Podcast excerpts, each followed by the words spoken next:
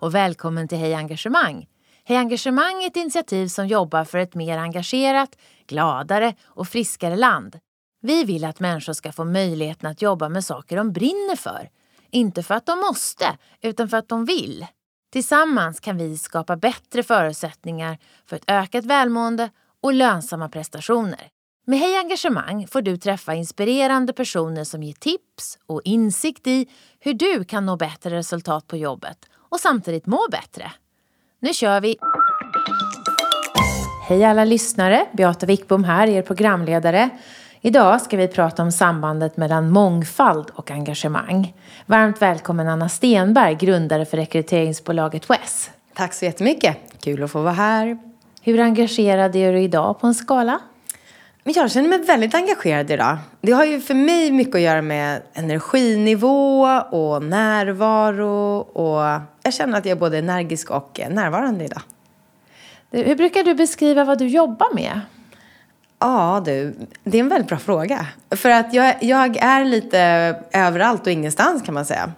Dels så jobbar jag ju en hel del eh, aktivt med eh, rekryteringsföretaget WES eh, och jobbar mycket med affärsutveckling och ta det bolaget till nya marknader och nya höjder. Och sen så jobbar jag mycket också som ängelinvesterare och engagerar mig också då en hel del i de bolag som jag har investerat i och stöttar dem på olika sätt. Mm. Och det att vara ängelinvesterare betyder att du träffar bolagen i tidigt skede. Du träffar entreprenörerna och grundarna i tidigt skede. Så att mm. de eh, får både dina pengar och din hjälp att skala upp och, och utvecklas. Mm. Precis Ska man tolka det så? Ja, mm. precis så. Vad är det du är riktigt bra på? Jag tror att jag är bra på att eh, se människors eh, styrkor kanske. Ehm, eh, att, ja, men att se utifrån ett ledarskapsperspektiv så handlar det nog mycket att se varje individs potential och eh, hjälpa dem att tillvarata de där styrkorna. Eh, det tror jag är en förmåga som, eh, som jag har. Men framförallt så är jag lite av en clown. Kan man säga så? Jag vet inte vad du menar med det. Nej men, alltså så här. Jag är nog den som injicerar mycket energi i olika grupper. Och det är någonting som, jag, som kommer naturligt. Ibland är det bra och ibland är det mindre bra. Men, men just det där att injicera energi, en positiv känsla, eh, få människor att känna sig inspirerade och eh, sugna på att eh, åstadkomma saker tillsammans. Det kanske är det som är det jag är allra bäst på egentligen. Det vi kallar engagemang? Ja, det ligger nog mycket i det. Men mm. eh, clownen ska ju också få folk att skratta. Varför är det viktigt att, att, att få folk runt omkring dig att vara glada? Jag vet inte, det är nog en känsla som jag själv har. Att jag tycker att det är viktigt. Så om jag kommer in i ett rum och känner att folk inte är glada, då vill jag gärna ändra på det.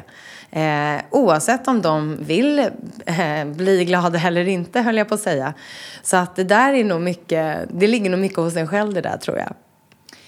Du har grundat bolaget WES. Mm. Det var för några år sedan. Mm. Vad var det för kundbehov ni ville lösa då? Det handlade mycket om att jag själv satt och var väldigt frustrerad som kund till rekryteringsföretag. Jag jobbade då inom Kinnevik och var HR-direktör på MTG. Och eh, blev väldigt frustrerad över att chefsrekryteringsföretagen var så dåliga på att hitta kvinnliga talanger och ledare. Så det spelade ingen roll om jag behövde rekrytera en CFO till Ryssland eller en VD till Ghana eller en marknadschef till något av våra bolag i Sverige. Så de kvinnliga kandidaterna lyste alltid med sin frånvaro. Och vi var helt övertygade om att mer diversifierade ledningar och styrelser och organisationer skulle göra oss mycket, mycket mer framgångsrika och lönsamma och konkurrenskraftiga som bolag. Och då behövde vi ju ha duktiga headhuntingbolag som kunde vara en bra länk mellan våra vakanta chefsroller och eh, de fantastiska talangerna där ute, både män och kvinnor. Så du tog saken i egen, egna händer och skapade den tjänsten som du hade saknat? Ja, det var faktiskt precis så. Eh, och det var ju såklart faktiskt då andra bolag som hade upplevt samma frustration som jag hade gjort. Och på den vägen bar det sedan av med OS. Vi ska prata om vad ni har gjort annorlunda. Men mm. varför är mångfald så viktig? Vad säger du till dem mm. som fortfarande tvivlar? Ja, till dem säger jag ju att det är absolut en fråga om överlevnad. Och det kan ju låta dramatiskt, men det är faktiskt så. Eh, man ser nu så oerhört starkt och tydligt eh, eh, den korrelationen som finns mellan ökad mångfald, lönsamhet och tillväxt. Och det handlar både om att mer diversifierade ledningar och mer diversifierade styrelser gör bolagen både mer lönsamma, de får mycket högre aktieavkastning, de blir dessutom mer konkurrenskraftiga när det handlar om jakten på den bästa kompetensen. Och eh, flera av de här sakerna har ju en direkt påverkan på sista raden och det gör också att frågan måste ligga på ledningarnas strategiska agendor för att inte så att säga komma efter i konkurrensen. Um, hur ser det ut i svenska bolag om du jämför med andra europeiska och amerikanska bolag? Mm. Har vi, är vi dåliga på, på mångfald i svenska ledningar och styrelser? Ja, vi är ganska dåliga faktiskt när det kommer till mångfald utifrån vissa aspekter. Mångfald betyder ju så många olika saker. Eh, det kan dels såklart handla om jämställdhet, eh, fördelning mellan män och kvinnor. Och där ligger Sverige ganska bra till. Vi ligger inte riktigt så bra till som vi ofta vill tro. Eh, men när det kommer till till exempel ålder, bakgrund och så vidare så har vi faktiskt en ganska lång väg kvar. Mm. Är det för hög ålder eller för låg ålder i näringslivet? Idag så finns det faktiskt snarare en eh, åldersdiskriminering.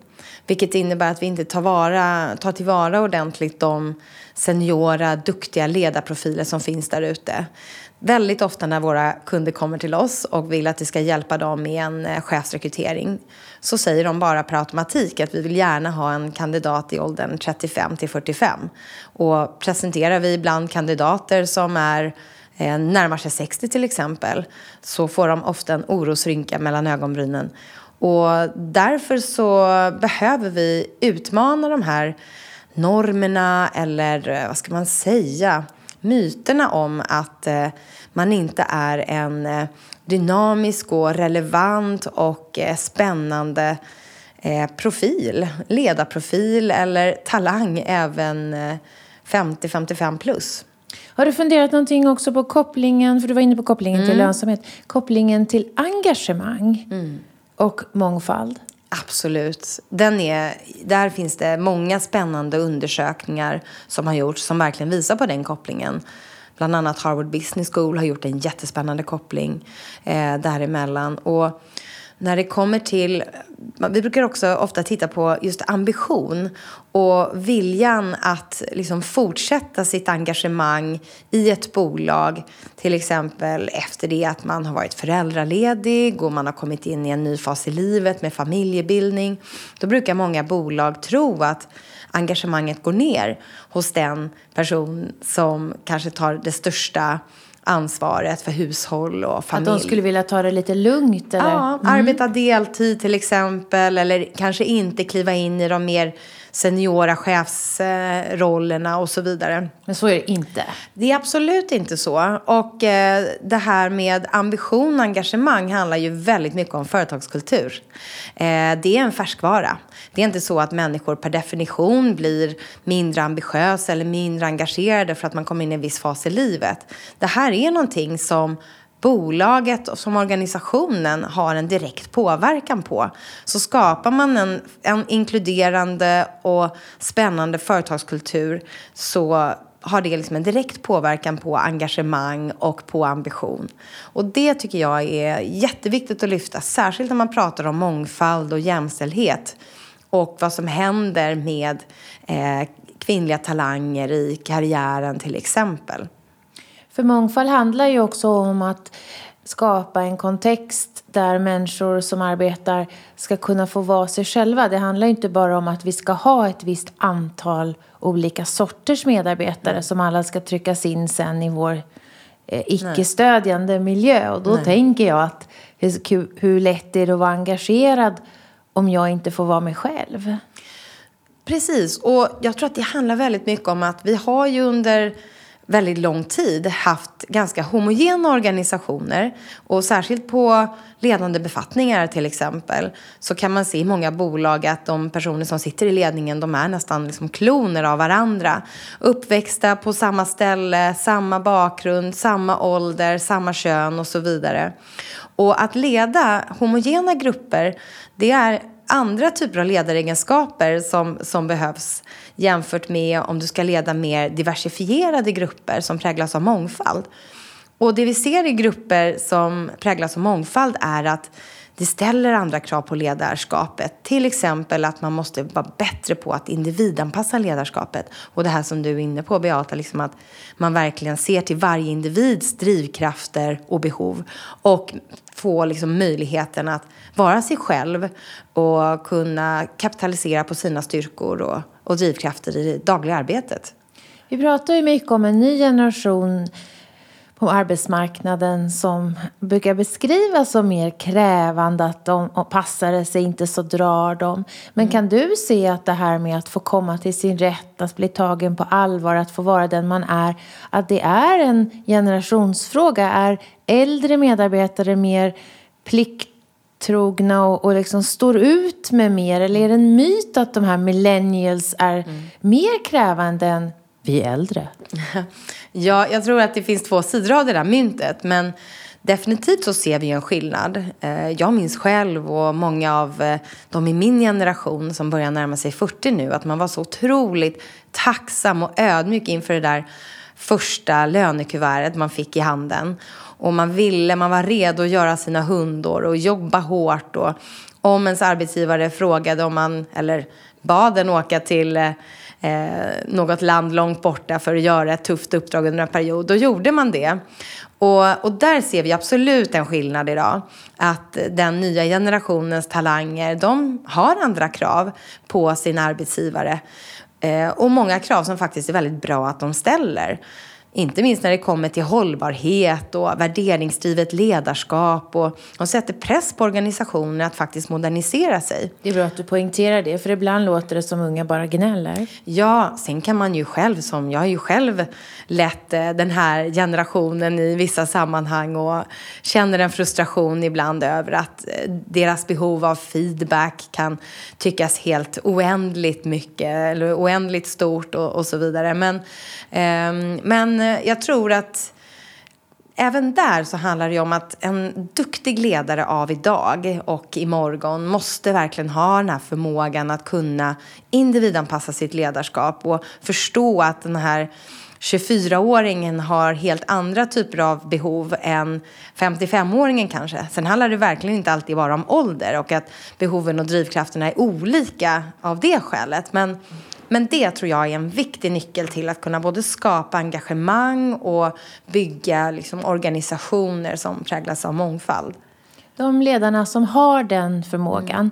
vad är det framförallt de gör eh, och som gör att de lyckas som ledare möta alla och samtidigt få hela gruppen att röra sig framåt? Mm. Jag tror att göra såklart är ju en viktig del, men framförallt hur de är och vad de har för intressen. Det finns i den typen av ledare en så naturlig nyfikenhet. De är liksom nyfikna på de här människorna. De är nyfikna på att förstå hur du, vad du motiveras av och vad du drivs av. Det är, liksom, det är en del av deras eh, DNA på något sätt. Och det märker man väldigt tydligt tycker jag hos den här typen av ledare. Och sen då att kunna liksom åstadkomma någonting i det för att bygga det här engagemanget och den här delaktigheten handlar ju väldigt ofta också om att få människor att känna sig inkluderade på resan framåt. Att inte bara känna att man får arbetsuppgifter delegerade till sig utan att man faktiskt får vara med och påverka och det arbete man gör har också betydelse för eh, det äventyr man ska göra på något sätt med det här bolaget eller med den här, det här teamet eller den här organisationen. Så delaktigheten och att ha förmågan att få medarbetare att bli inkluderade på riktigt. Måste du vara generös. Du får inte vakta på ditt eget för mycket som ledare. Måste våga lita mm. på att andra kan ha rätt. Mm. Det, det är ganska mycket motsatsen mot den chefen som eh, kanske var förhärskande på mm. i, i, näringslivet för 20-30 år sedan. Mm. Nej, det var ju mycket mer eh, auktoritärt ledarskap och hierarkiskt ledarskap. Och jag menar, hierarkier ser vi ju fortfarande idag, även såklart i många moderna och snabbväxande bolag. Men, men det är precis som du säger, det är andra typer av ledaregenskaper som, som vi ser idag. Och de bolag som kanske inte riktigt lyckas vrida om sitt ledarskap till att bli mer modernt och attraktivt och inkluderande. De får allt svårare att också locka de bästa talangerna och behålla duktiga ledare och, och stjärnor som de behöver för att kunna lyckas. Så att utifrån ett rekryteringsperspektiv så är de här sakerna super, super viktiga också. Hur ser utvecklingen ut när det gäller mångfald i ledningen i svenska mm. eh, bolag? Vilket håll går det åt? Ja, men det går framåt. Och sen pratar vi ofta om att det går för långsamt. Och det är klart att vi alltid vill att det ska gå snabbare. Eh, men vi ser att både på styrelsenivå och även på ledningsnivå så tar vi kliv framåt. Sen tenderar vi att prata väldigt mycket om de stora börsnoterade bolagen som haft mycket ljus på sig och haft en press utifrån att det har funnits en kvoteringsdebatt och så vidare. Och det är också viktigt att vi inte glömmer de snabbväxande bolagen och de medelstora företagen. För de är inte heller speciellt duktiga på det här med mångfald. Men de har ju samtidigt möjlighet nu att faktiskt vrida om och göra rätt tidigare innan de blir för stora och det blir för svårt att manövrera runt och förändra det här. Ehm, men det är oerhört viktigt att man eh, verkligen förstår att det räcker inte med att bara kvotera in Eh, kvinnliga styrelseledamöter i börsbolagen för att göra den här förändringen. Utan vi måste verkligen få bolag att förstå att de måste jobba annorlunda både med sitt ledarskap och innovera rekryteringsprocesserna för att eh, kunna öka mångfalden också på de operativa ledande befattningarna. Vi får inte glömma de nivåerna, de är jätteviktiga. Hur ser det ut i offentlig sektor? Ser det likadant ut där på ledningsnivå och på operativ nivå? Det ser faktiskt bättre ut. Eh, det gör det. Och eh, sen utifrån ett jämställdhetsperspektiv så har de varit duktigare på att sätta tydliga mål och nå de målen när det kommer till just jämställdhet. Så andelen kvinnor på de här, eh, de här arenorna, då, de offentliga eh, arenorna, där, Eh, där är andelen kvinnor som sagt högre. Men när det kommer till mångfald utifrån andra dimensioner och andel eh, chefer till exempel med internationell bakgrund och så vidare. Där har de fortfarande en lång väg att gå. Och sen är det ju så att andelen kvinnliga medarbetare inom offentlig sektor är ju också eh, större generellt. Eh, så där finns det också en korrelation man behöver ta hänsyn till om man ska jämföra just näringsliv och offentlig sektor. För vård och skola och omsorg som mm. är stora grupper, kvinnodominerade Exakt. grupper är ju oftast offentligt anställda. Ja, mm. precis så. Vad är det som driver dig eh, att jobba med, eh, med eh, att öka mångfalden eh, i svensk, på svenska arbetsplatser? För min del handlar det jättemycket om att göra skillnad och att faktiskt kunna göra konkret skillnad. Och sen gör vi ju, så, vi gör ju det i det lilla utifrån att vi framförallt rör oss i svenskt och nordiskt näringsliv och jobbar en del med europeiska bolag och tillsättningar. Men det är en helt fantastisk känsla varje gång vi tillsätter till exempel en ny kvinnlig börs eller vi ser att de rekryteringar vi gör faktiskt förändrar statistiken. För nu har vi rekryterat fler än 800 ledare till ledningsroller och styrelseuppdrag. Och av dem så är närmare 80 procent kvinnor och ungefär 40 procent har internationell bakgrund. Så att det är ju otroligt inspirerande att känna att det faktiskt går att driva den här förändringen. Så det, det som är väldigt, väldigt härligt tycker jag är ju att både ha det här samhälleliga perspektivet i sin vardag och samtidigt få vara med och bygga spännande bolag som också och har... Och kunna ge mm. svar på tal när folk säger åh det är så svårt. Ja, vi har gjort det. Ja, och det, att slå hål på de här myterna varje dag är ju otroligt roligt. Och varje dag och för varje rekrytering vi gör så är det ju fler och fler företag och företagsledare som kommer till insikt. Och när vi började den här resan med OS så var frågan, alltså mångfaldsfrågan, det var verkligen en HR-fråga. Det var HR-cheferna som drev den och det var ofta ett HR-projekt. Det låg inte på ledningens strategiska agenda. Sen för några år sedan så blev det en ledningsfråga när man insåg att det fanns en spännande och ganska direkt koppling till lönsamhet och tillväxt. Och idag är det verkligen en ägarfråga också. Och det är häftigt att vi ändå liksom har tagit oss en bra bit. Och det är därför jag inte vill vara så negativ och gnällig heller när du frågar mig om utvecklingen går framåt. För det tycker jag verkligen att den gör.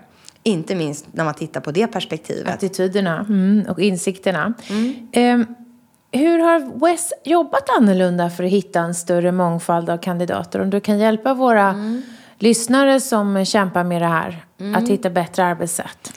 Ja, framförallt så handlar det om att jobba annorlunda i searchprocessen, alltså när man söker och letar efter kandidaterna.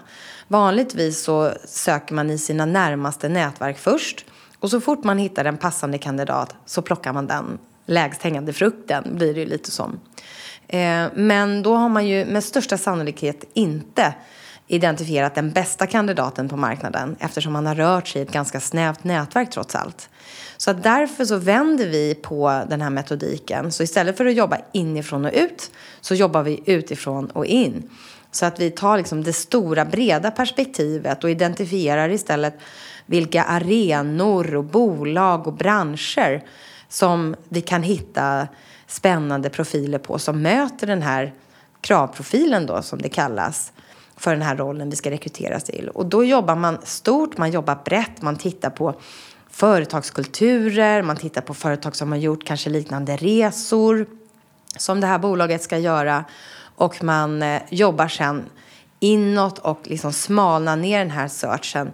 Men då har man liksom hela tiden utgått från det stora breda perspektivet och letat i de stora haven istället för i de små dammarna om man säger så.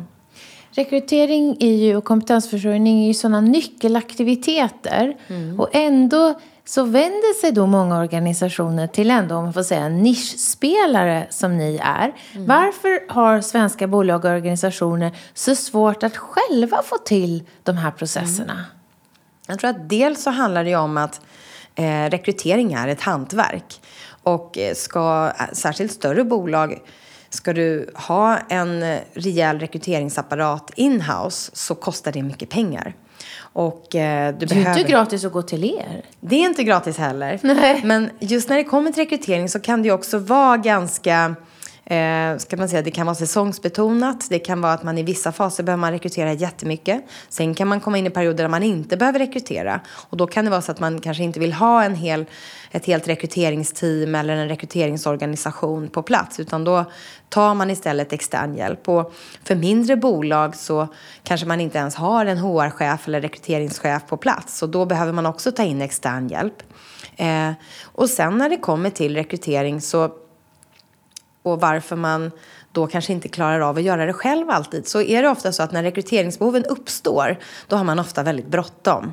Man hade behövt den här kandidaten igår eller en jätteviktig medarbetare sa upp sig och man behöver ha en ny individ på plats jättesnabbt. Och då kanske man behöver extra resurser och snabb extern hjälp. Så det handlar om att det blir så ojämn beläggning så då, då behöver du ta hjälp utifrån. Men jag tycker ändå kärnkompetensen borde finnas mm. om insikten om betydelsen har växt. Absolut, och jag upplever också att, att svenska företag blir bättre och bättre på att rekrytera. Eh, och de som kommer och beställer rekryteringar av oss blir också mer och mer man säger, sofistikerade och bra kravställare. De vet vad de efterfrågar. Och där ser vi verkligen en, tycker jag, positiv utveckling. För det gör också vårt arbete lättare. Sen så tycker jag att de rekryterande cheferna eh, och bolagen då som också ska intervjua och presentera företaget för de här kandidaterna och utvärdera dem. De har en hel del att jobba på. För bara för att du är en duktig chef betyder inte det att du är duktig på att intervjua eller duktig på att sälja in företaget till kandidaterna. Så där coachar vi också mycket våra kunder i hur de ska göra det här på ett bra sätt. För att vara engagerade. Exakt! Engagemanget är ju superviktigt, inte minst i kandidatintervjuer. Du, vilken betydelse har värderingar som mångfald och inkludering för topptalangernas vilja att jobba på en, i en viss organisation eller ett visst bolag? Hur, hur mycket frågar de er om det när ni har kontaktat dem mm. med en möjlig karriärförflyttning? Mm. Det är faktiskt helt avgörande. Ofta så tror man att det kanske är lön eller titel eller närheten till jobbet eller någonting annat som är mest avgörande när talanger och duktiga ledare väljer arbetsgivare. Men de två absolut mest avgörande anledningarna till varför man väljer att gå till eh, en ny arbetsgivare det är ledarskap och värderingar som överensstämmer med ens egna. Så att, att ha ett en, en attraktiv och inkluderande företagskultur och ett ledarskap som på riktigt möter de här förväntningarna som vi har pratat om tidigare. Eh, det är helt avgörande. Och ledarskapet och värderingarna är också anledningar till Alltså dåligt ledarskap och värderingar som inte rimmar med ens egna är också de viktigaste anledningarna till varför talanger väljer att sluta. Så att jag är alltid förvånad blir jag över att bolag inte satsar mer på ledarskapsutveckling och att träna sina ledare till att vara riktigt duktiga chefer helt enkelt. Och man glömmer ofta att träna erfarna chefer. Det är ofta satsar man väldigt mycket på unga, unga talanger och tränar dem i ledarskapet. Och så tänker man att ja, men de här seniora, tunga, erfarna cheferna, de är så duktiga ledare så de behöver, in, de behöver inte träna i engagemang eller mångfald eller inkludering eller i ett individanpassat ledarskap. Men ofta är det de som kan vara de största hindren när det kommer till att eh, skapa ett mer värderingsdrivet och individanpassat ledarskap. Det är ändå så väldigt hoppfullt att du säger att det går att träna den här förmågan att vara en engagerande ledare. Ja, men det gör det.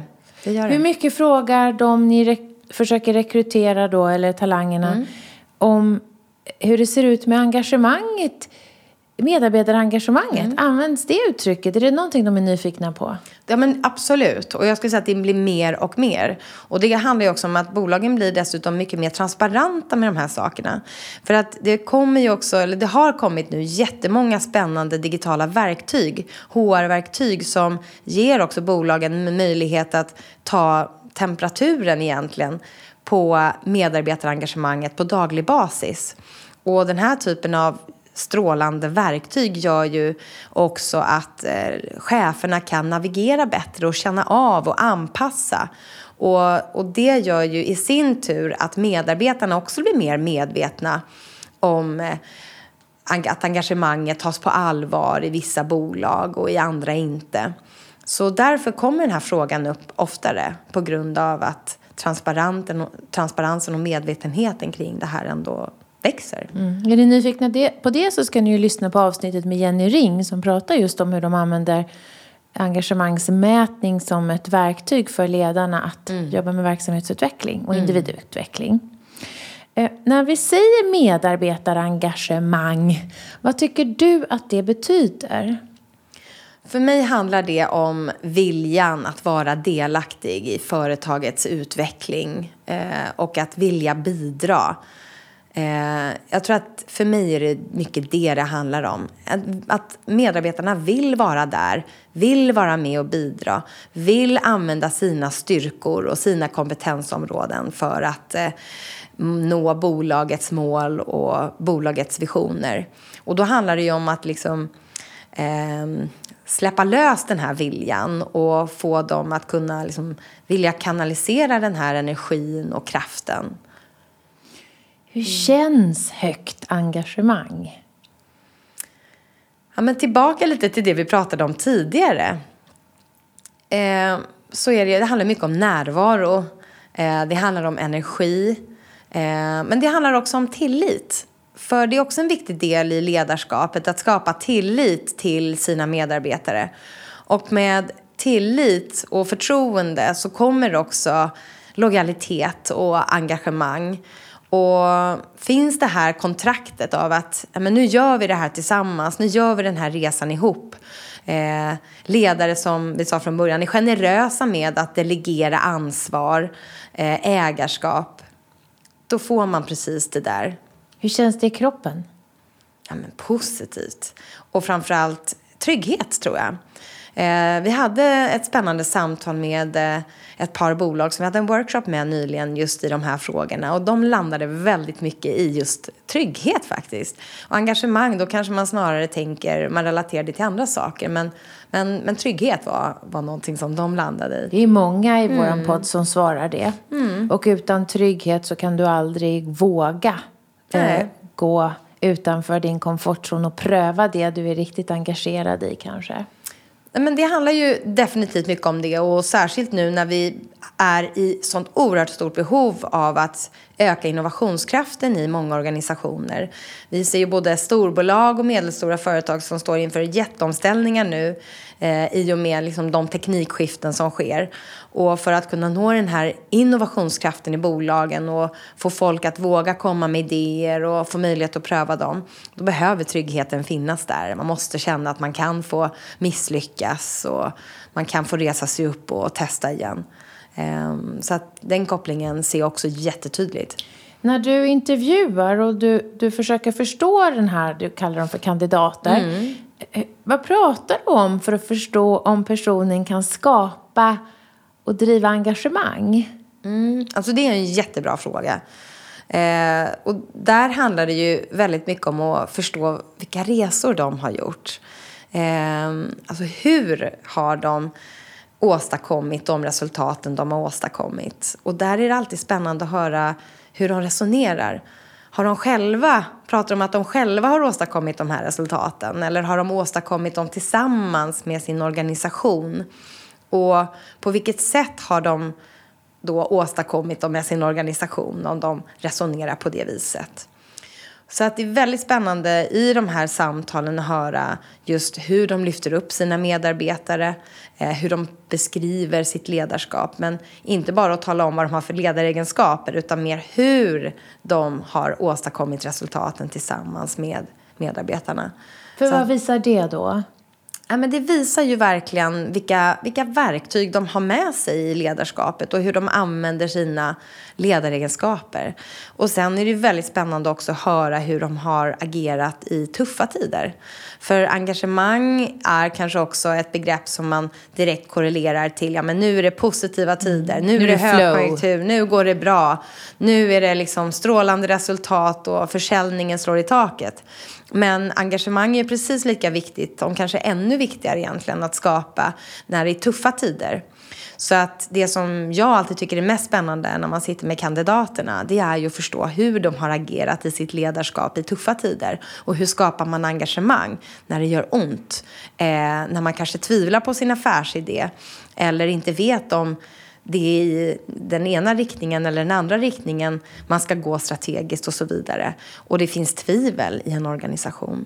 Det finns ju nästan i alla organisationer idag ett stort tvivel till exempel kring, inte tvivel men en hög osäkerhet kring teknikutvecklingen, kring, kring den globala utvecklingen mm. i världsekonomin. Så många bolag sitter ju med hög extern osäkerhet mm. och borde verkligen mm. kunna leda också i, i, bättre i tuffa tider. Mm.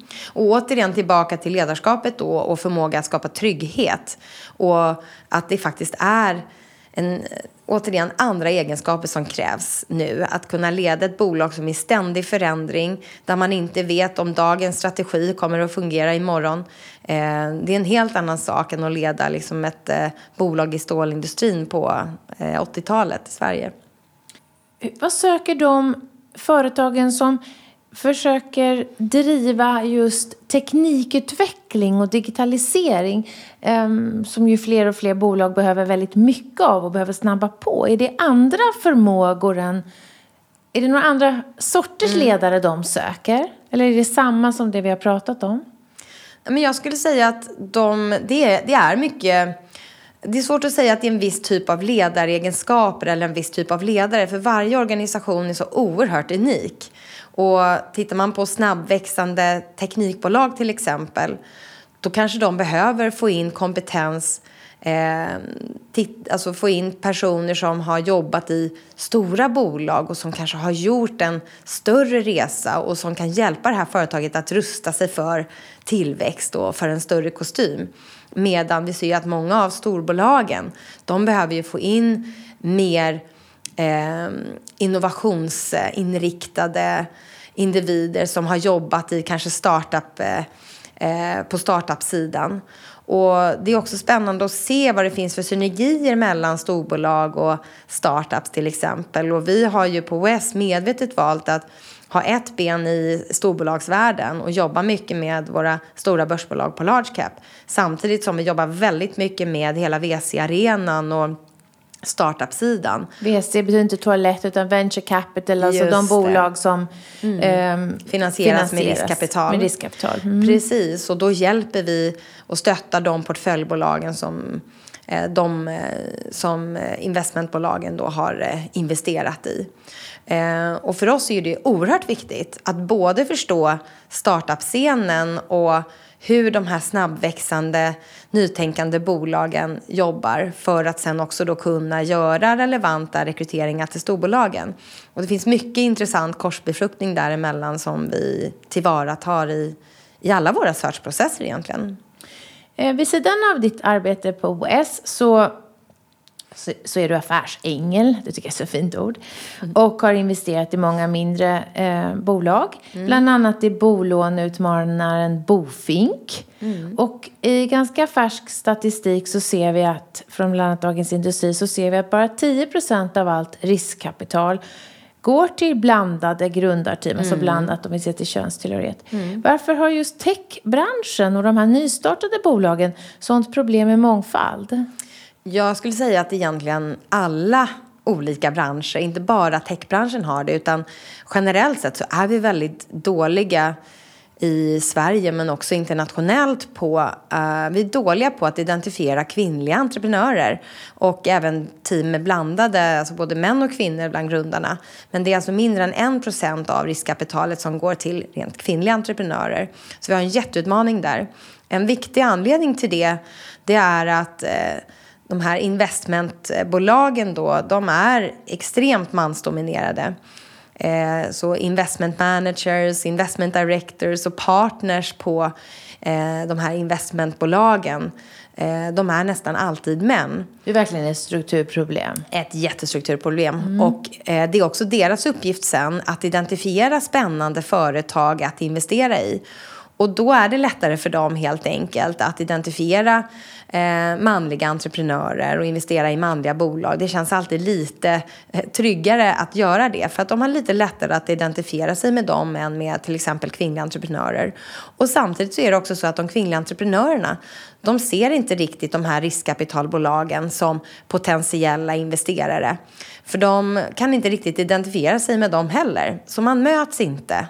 Och därför så behöver vi jobba jättemycket med investmentbolagen eh, så att de också kan förändra sina kulturer, eh, bli mer diversifierade i sina egna organisationer. Och då kan vi jobba med den här förändringen. Eh, du sitter också i en rad styrelser. Hur, hur tycker du förståelsen för betydelsen mångfald ser ut på ägarnivån? Den har blivit bättre. Den blir bättre och bättre och bättre. För bara några år sedan så fanns egentligen inte frågan riktigt på ägarnivå. Bara man pratade lite om kvotering i börsbolagens styrelser. Men jag upplever, ja men för två år sedan jobbade vi inte med några ägarbolag eller ägarrepresentanter på det viset. Idag jobbar vi med 10-15 stycken. Så det har gått fort, eh, men det är spännande att se det här. Vi ser också att de institutionella investerarna, AP-fonderna till exempel, eh, de sätter också allt mer press på eh, bolagen. Eh, och det är också väldigt positivt att man även från valberedningarna kan sätta press. Där har vi å andra sidan också en utmaning eftersom vi idag bara har 13% kvinnor i valberedningarna. Det finns många dimensioner av det här. Det måste, alltså det måste förändras på så många nivåer. Ja. Mm. Eh, vi, vi, brukar ju prata om en undersökning som Gallup har gjort som handlar om medarbetarengagemang mm. som visar att i Sverige är det bara 14 procent som säger att de är aktivt engagerade någon gång på dagen på sitt jobb. Vi tycker att det är en sorglig siffra. Mm. Eh, vad tror du? Hur kommer det sig att det är så få människor som älskar att gå till jobbet? Så det är en jättebra fråga. Man önskar ju att alla gjorde det. Eller hur? Och det är nästan inte en rättighet, eller på att säga. Men, men eh, jag tror att det i många lägen är så att man eh, alltså utifrån ett företagsperspektiv. Att man kanske inte har, när man i rekryteringsprocesserna har varit tillräckligt noga med vad det är för typ av individ som, som man ska rekrytera. Alltså, återigen kommer vi tillbaka till det här att, att individens värderingar och drivkrafter verkligen synkar med företagets. Jag tror att det är det som är fullkomligt avgörande. Och det tycker jag att jag har erfarenhet av från mina tidigare företag där jag har varit verksam. Att Känner man verkligen att det finns en stark korrelation med de egna värderingarna och företagets värderingar, då känner man den här tillhörigheten, då känner man det här engagemanget i mycket större utsträckning än om, man, om det inte finns där.